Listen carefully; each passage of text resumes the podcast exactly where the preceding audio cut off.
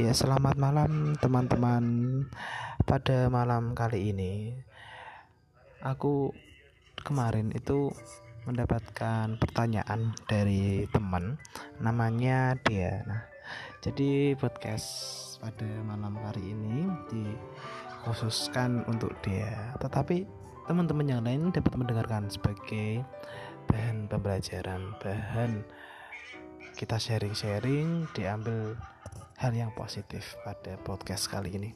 Pada podcast kali ini, jadi dia itu bertanya kepadaku, nggak enak banget ini ya. Jadi dia teman aku itu tanya tanya ke aku gini, Mas kalau misal cinta dalam diam dalam perspektif kamu bagaimana? Nah aku, aku tanya seperti itu, oke.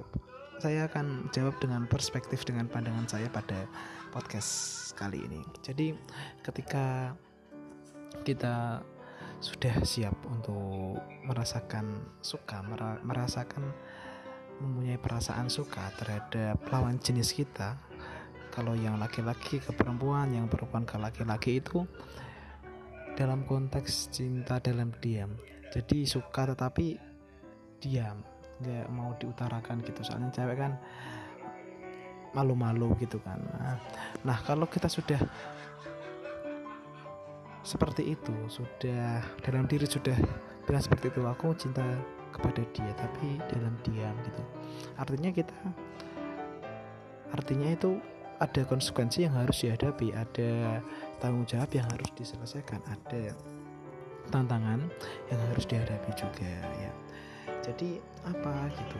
Ketika kita sudah contoh misalkan aku cinta dalam diam ya aku mencintai seorang dalam keadaan diam tidak mengungkapkan sebenar-benarnya perasaanku itu gini.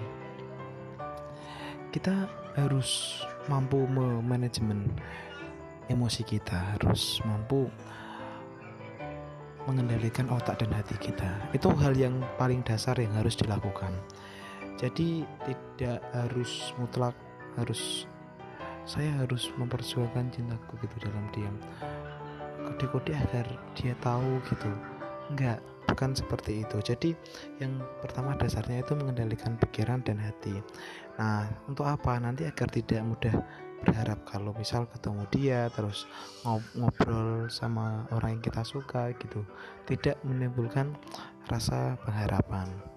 Nah yang selanjutnya adalah setelah pikiran dan hati selesai itu pasti akan menimbulkan sikap akan membuat sikap kita itu makin terarah.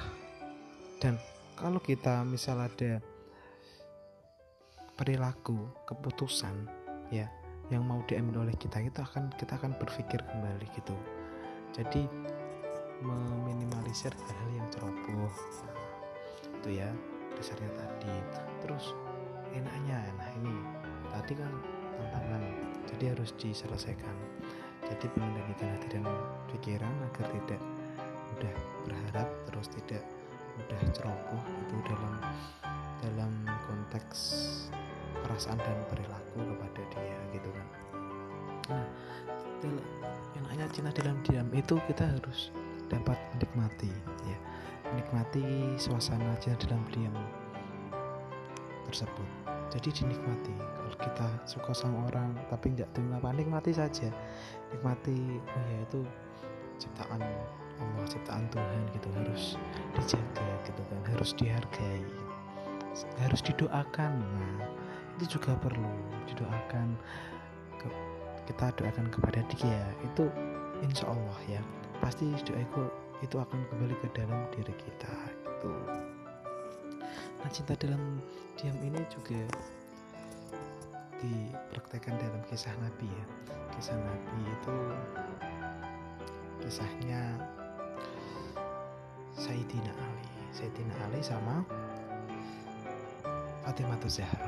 Nah, itu uh, banyak sekali indah sekali kisah cinta dalam diam yang dipendam oleh Fatimah Zahra ya selengkapnya bisa cari di kisah-kisah di Google juga ada di YouTube juga ada. Itu mesra sekali. Ya. terus selanjutnya ya kembali lagi ke ke pembahasan. Ya cinta dalam diam itu juga selain kita harus menikmati kita harus apa? Kita harus ini membuat diri kita semakin bersemangat membuat kita untuk menjadi lebih baik ya. Menjadi lebih baik untuk apa? Nah untuk kualitas kita terus intelektual kita sikap kita perilaku kita ya. Akhlak kita dan sopan santun yang lainnya juga itu attitude juga kan. Nah itu untuk membuat diri kita itu kuat. Membuat diri kita itu oh ya ini saya ini wanita kuat nanti secara nggak langsung kalau kita memper, memperbaiki diri memataskan diri mempersiapkan diri pasti orang yang kamu suka akan melirik kamu gitu. Jadi pasti orang yang kamu suka itu akan melirik kamu akan mendekati kamu gitu. Ya mungkin cukup itu dulu yang dapat aku sampaikan kepada dia khususnya dan teman-teman pada umumnya kalau ada tambahan ya silahkan ditambahkan ya. Karena saya sendiri juga manusia kadang ada suka suka salah gitu kan suka lupa gitu.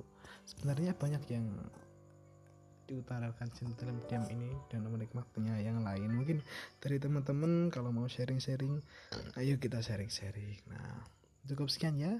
Kurang lebihnya mohon maaf Selamat malam, semoga hari-hari ke depan cerah dan rezeki lancar, sehat selalu. Amin.